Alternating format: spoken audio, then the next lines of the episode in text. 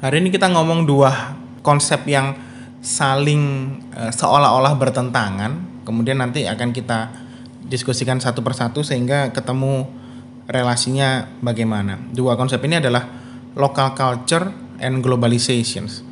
Kalau membayangkan local culture, mungkin kita terbayang hal-hal yang basic yang ada di masyarakat yang dipraktikkan secara secara lokal begitu. Uh, yang yang cakupannya itu cakupan yang sangat minor. Misalkan local culture yang ada di uh, suku tertentu misalkan. Nah, di suku A B C D. Dan dan mungkin cakupannya ya cuma di situ saja. Sedangkan konsep satunya kita ngomong globalization uh, seperti kita diskusikan di uh, pertemuan-pertemuan sebelumnya globalization kan semangatnya adalah semangat uh, meng mengglobal membuat satu value satu hal satu produk mungkin satu sistem nilai, sistem produksi, konsumsi dan seterusnya itu jadi satu uh, jangkauannya lebih dari satu negara uh, secara global. Nah, dua konsep ini seolah-olah bertentangan tapi uh, hubungan atau persinggungan keduanya sering kali nggak bisa dihindari ketika mendiskusikan antara uh, mendiskusikan konsep globalisasi budaya. Nah, sebelum ke relasinya, kita mundur sedikit budaya itu apa, culture itu apa sih? Uh, ini konsep yang abstrak yang sering kali uh, tidak bisa disepakati secara gampang definisinya oleh uh, bahkan pemikir-pemikir ilmu sosial uh, di luar HI yang yang cakupannya lebih luas seperti sosiologi, uh, politik, antropologi, arkeologi mungkin sampai itu punya definisi yang cara mendefinisikan yang yang beda-beda. Karena cakupan culture ini sering kali bias dan tidak tidak uh, tegas garis batasnya. Apakah uh, bahasa kemudian apa ya tari-tarian mungkin atau bentuk budaya yang tangible yang bisa kita identifikasi itu uh, masuk budaya? Apakah itu saja?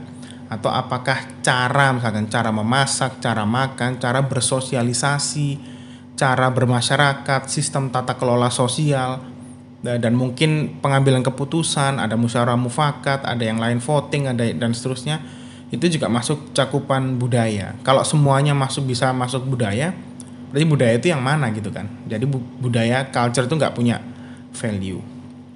Nah, eh, di sini kita sepakati saja. Eh, kalau ngomong debat itu itu itu debat yang yang panjang sekali dan mungkin akan sekali lagi susah disepakati uh, jalan tengahnya tapi saya di sini pakai definisinya dari Wallerstein deh yang yang orang HI katakanlah gitu orang HI sering pakai.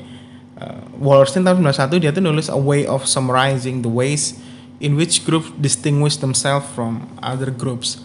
Jadi poinnya bukan ada pada objeknya bukan pada bendanya tapi pada relasinya pada nature-nya pada sifatnya. Jadi kenapa bahasa, kenapa tata uh, kelola sosial atau kenapa baju adat itu masuk dalam budaya? Ya karena itu cara orang cara satu kelompok untuk membedakan diri dengan kelompok yang lain. Selama selama kerangkanya itu um, menurut saya lebih gampang kita mengidentifikasi bagaimana budaya itu bekerja dalam dalam masyarakat. Atau budaya itu uh, hidup dan dihidupi oleh masyarakat. Ketika ada ada persinggungan dengan budaya yang lain akan baru akan kelihatan uh, nature dari budaya yang kita maksud itu yang yang mana. Jadi ini tidak konsep ini konsep budaya culture itu tidak tunggal, tidak juga muncul dari ruang hampa tapi harus dibedakan dengan uh, harus diidentifikasi dengan bagaimana dia berelasi dengan apa yang kita sebut culture di luar culture yang sedang kita amati. Nah, kalau cara berpikirnya begitu, berarti kan kita baru bisa mengidentifikasi budaya itu ketika ada budaya yang bukan budaya yang sedang diamati. Anggaplah ada budaya A nih. E, misalkan kita ngomong apa ya bahasa, ada bahasa Jawa. Baru kita baru bisa melihat bahasa Jawa itu sebagai bahasa Jawa ketika dia berinteraksi dengan e, bahasa Madura misalkan. Dua dua bahasa yang beda dan tapi hidup di satu sphere yang uh, society yang hampir sama. Oke, kita baru bisa mengidentifikasi bahasa itu sebagai sebagai produk budaya ketika ada dua penutur yang sedang berkomunikasi. Oh, mereka beda nih. Yang satu ngomongnya pakai bahasa Jawa, yang satu pakai bahasa Madura. Oh, dari sini kita bisa lihat bahwa uh, ya bahasa itu bagian dari budaya. Uh, itu yang membedakan satu grup cara orang Jawa membedakan diri dengan orang Madura pun sebaliknya. Nah, dari situ kemudian kalau perspektifnya begitu berarti yang bisa kita uh, jika dibaca secara secara terbalik berarti budaya itu culture itu akan terikat dengan teritori atau kelompok masyarakat tertentu yang hidup di satu teritori. Ujung-ujungnya tetap teritori. Kalau kita ngomong bahasa Madura misalnya, kenapa dia jadi produk budaya? Ya karena dia dihidupi oleh masyarakat Madura yang tinggal di satu komunitas masyarakat di teritori tertentu di Pulau Madura misalkan atau di Surabaya yang bagian uh, selatan. Kemudian kenapa uh, apa ya baju baju adat eh atau atau atau apa ya? Hmm, kenapa tari atau reok deh yang yang dulu sempat rame. Kenapa reok itu disebut dari Ponorogo? Uh, ya karena dia dipraktikkan mostly di masyarakat di yang tinggal di wilayah yang kita sebut sebagai Ponorogo. Terikat dengan dengan teritori. Local culture by local we means it tied to some uh, some territories. Jadi tidak tidak mengawang tidak apa untuk melihat melihat produk budaya itu sebagai budaya perlu identifikasi teritori. What gives meaning to culture is how strong the bonding with any territorial concepts. Nah gitu. Semakin budaya itu terasosiasi dan terikat dengan satu teritori, semakin tanda kutip meaningful budaya itu artinya uh, semakin banyak dia dipraktekkan di satu masyarakat satu komunitas masyarakat yang tinggal di uh, wilayah tertentu maka kita dengan gampang mengidentifikasi bahwa oh culture yang ini itu biasanya dari sini. Misalkan ya tadi reok tadi karena banyak masyarakat Ponorogo yang praktik uh, yang yang ber melaksanakan pertunjukan reok ya kita dengan gampang sebut itu dari dari uh, Ponorogo gitu misalkan atau rendang rendang mau sampai diliput Gordon Rams Ramsay kemarin rame dengan William Wongso. Kita tahu rendang itu ya dari eh dari mana rendang ya? Dari Minang. Minang kan ya kalau nggak salah. Sorry correct me if I'm wrong. Saya tahunya rendang dari ya di masakan Padang. Gampang. Seluruh dunia mungkin tahu. Uh, atau uh, nasi lemak nasi lemak dari Malaysia mungkin mungkin mungkin ya atau yang yang uh, yang kita temui sehari-hari kita sebutnya kita kalau dengar capcay uh, ayam saus Inggris ayam ayam apalah itu kita sebutnya Chinese food. Bahkan spesifik merujuk kepada uh, teritori China ya Chinese as in China gitu kan masakan dari China. Saya nggak tahu di di di China ada gitu juga nggak ya? Tapi you you get the idea lah.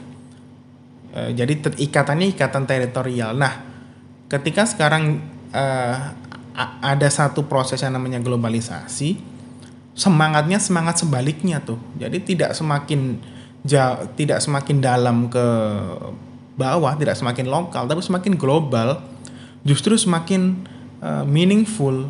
Jadi kalau satu hal tuh bisa cakupannya tidak hanya lintas negara, semakin justru semakin meaningful misalkan demokrasi. Demokrasi itu kita tahu awalnya dari Yunani. Kita di sini dulu tidak mengenal demokrasi. Adanya sistem kerajaan misalkan. Zaman dulu.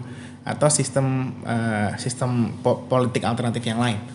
Tapi kemudian ketika demokrasi itu jadi global norms semakin dia mengglobal pengambilan proses pengambilan keputusan proses uh, dispute settlement penyelesaian masalah uh, bentuk-bentuknya demokrasi, proses tata kelola politik yang bentuknya demokrasi itu jadi jadi semakin uh, bermakna ketika dia berhasil menjangkau semakin banyak komunitas masyarakat. Nah ini kan berarti dua konsep yang saling bertentangan. Tapi kedua-duanya pasti pada satu titik akan bersinggungan. Semangat dan proses globalisasi dan juga dengan local culture. Nah, relasinya gimana? Ada dua dua uh, bahan bacaan yang teman-teman sudah sudah baca dari uh, Peters dan dari Robert Holton kalau nggak salah. Uh, kedua-duanya me, me, mengidentifikasi ada tiga model model lah ada iya ya ada ada tiga model uh, atau bentuk interaksi dari local culture dengan globalisasi. Pertama, ya akan terbentuk uh, sorry, yang pertama adalah kita pakai perspektifnya kalau bahasa si Peters differentialism, kalau kata si Holton dia sebutnya uh, heterogenisasi kalau nggak salah. Correct me if. Terus uh, di differentialism ini yang dibayangkan oleh Peters ketika ada global globalization ketemu dengan local culture dia bakal ya ya sudah beda aja gitu. Jadi mau globalisasi kan ibaratnya dia membawa sistem nilai yang yang berbeda dari apa yang dianut anggaplah ada satu komunitas masyarakat lokal gitu kan. Misalkan tadi mungkin contohnya ngawang demokrasi mungkin kita kita ambil contoh yang simple deh uh, apa ya cara cara belanja misalnya cara belanja yang berkembang di masyarakat Indonesia kan selalu uh, sistem sistemnya uh, ke toko kelontong gitu kan. Jadi teman-teman datang ke toko minta barang mau diambilkan barang apa diambilkan oleh yang punya toko dibayar selesai. Di sana ada trust yang terbentuk. Teman-teman kalian percaya bahwa barang yang diambilkan oleh uh, yang punya toko itu adalah barang terbaik yang mereka punya untuk kalian. Misalkan mau beli uh, minyak goreng ya minyak goreng itu yang terbaik yang ada dari sekian banyak stoknya dia. Makanya uh, diambilin. Tapi kalau di sistem uh, apa supermarket, minimarket yang yang modern, orang ngambil sendiri. Di balik itu ada uh, proses interaksi yang yang hilang, so, interaksi sosial yang hilang. Jadi kalian datang masuk ke minimarket kemudian kalian pilih sendiri yang menurut kalian paling baik biasanya diambil yang paling belakang kan? Misalkan mau ngambil uh, snack ini ambil yang paling belakang biasanya kadaluarsanya paling jauh. Atau barangnya tidak diharapkan untuk laku duluan karena ya banyak hal. Misalkan yang paling bagus kondisinya. Kalian pilih sendiri. You don't really interact with the uh, apa kasir atau oleh apa mas-mas yang jaga toko itu itu dua model sistem tata kelola yang beda. Insambe bakal bakal berinteraksi juga. Nah, dalam perspektif diferensialisme yang dimaksud uh, yang dibayangkan oleh Peters ketika ngomong soal interaksi globalisasi dan local culture ya uh, satu sisi ada kemungkinan sekali lagi ada kemungkinan kedua konsep kedua proses ini, kedua entitas ini akan uh, tetap saling berjalan secara harmonis. Jadi ya yang budaya global masuk ke dia anut uh, masuk dan berpengaruh kepada satu komunitas dengan cara mereka sendiri yang yang komunitas ini juga tetap memegang memegang adat istiadat dan, dan struktur kebudayaan bangunan kebudayaan yang mereka percaya dari awal juga nggak ada masalah contoh mungkin yang dekat dengan kita yang bisa saya bayangkan adalah uh, ini apa uh, pecinan, pekojan gitu deh kayaknya. Jadi kalau teman-teman ke Ampel di Surabaya di Ampel di sini di daerah Ampel situ kan ya orang-orang yang yang uh, dari awal menganut dan dekat dengan budaya Arab mereka tetap mempraktikkan itu kan mulai dari maka makanan deh yang paling gampang dan mungkin cara hidup in in sampai cara berpakaian juga tapi itu berinteraksi dengan budaya lokal Surabaya bahkan ada dari komunitas Madura juga tetap tetap ada ciri khasnya masing-masing. Nah itu mungkin sejauh yang bisa saya bayangkan soal diferensialisme. Mungkin nanti kita bisa diskusi dan dengan contoh-contoh yang lain. Jadi tetap yang Arab tetap memegang uh, budaya Arab, yang Madura tetap Madura, yang Jawa tetap Jawa, sing Surabaya tetap Surabayaan gitu. Itu yang diferensialisme. Nah itu kemungkinan pertama. Kemungkinan pola kemungkinan kedua uh, bahasa si Peters adalah perspektifnya convergence. Jadi convergence ini uh, convergence ini yang local culture itu bakal bakal ngikut terhegemoni oleh yang global culture tadi. Jadi ini ini bisa kita lihat eh, konsep-konsep uh, yang sering kita dengar ada McDonaldizations, Disneyfications, Barbie Barbifications, homogenization and and so on karena basically uh, globalization itu kan bukan yang strong value yang dibawa dari globalization itu bukan dari dari masyarakat timur katakanlah gitu uh, kental sekali dengan budaya barat tanda kutip ya. Kental sekali dengan budaya budaya barat demokrasi kemudian uh, free trade dan seterusnya. Makanya turunan-turunan budaya dari proses proses globalisasi itu dekat sekali dengan dengan budaya barat. Itu contohnya. Uh, gimana McD itu jadi uh, apa tidak hanya dari perusahaan yang beroperasi secara multinasional tapi juga sebagai standar budaya. Gitu. makanya di mana-mana McD di mana-mana KFC Disney juga begitu. Jadi standar ukuran misalkan konstruksi gender bahwa perempuan itu yang cantik mengikuti logika Disney di mana pun. Padahal sekali lagi di setiap komunitas masyarakat itu punya ke culture yang kuat soal uh, gimana relasi gender. Oke, okay. ada yang bahkan di uh, di kalau tidak salah di salah satu suku di Afrika, if I'm mistaken atau ya di di Afrika itu perempuan yang dianggap cantik dari dulu dari zaman nenek moyang mereka itu yang justru bertubuh besar, kulitnya semakin hitam, rambutnya semakin keriting itu yang semakin cantik. Tapi ketika Disney memunculkan memunculkan banyak eh, banyak tokoh-tokoh perempuan, tokoh-tokoh uh, princess-princess itu Rapunzel lah, Frozen seterusnya kan tipikalnya sama putih, rambut panjang, rambut rambutnya lurus. Kecuali Brave. Kalau Brave dari bukan dari Disney kayaknya dia. Ya. Dan seterusnya. Akhirnya orang mulai mulai bergeser uh, cara pandang dia terhadap apa yang baik dan buruk, apa yang benar dan salah, apa yang uh, tercerabut bahasa-bahasa ekstrimnya mungkin tercerabut dari budaya yang selama ini mereka anut. Bahkan kalau katanya dengan gender ada fenomena yang menarik di di uh, benua Afrika.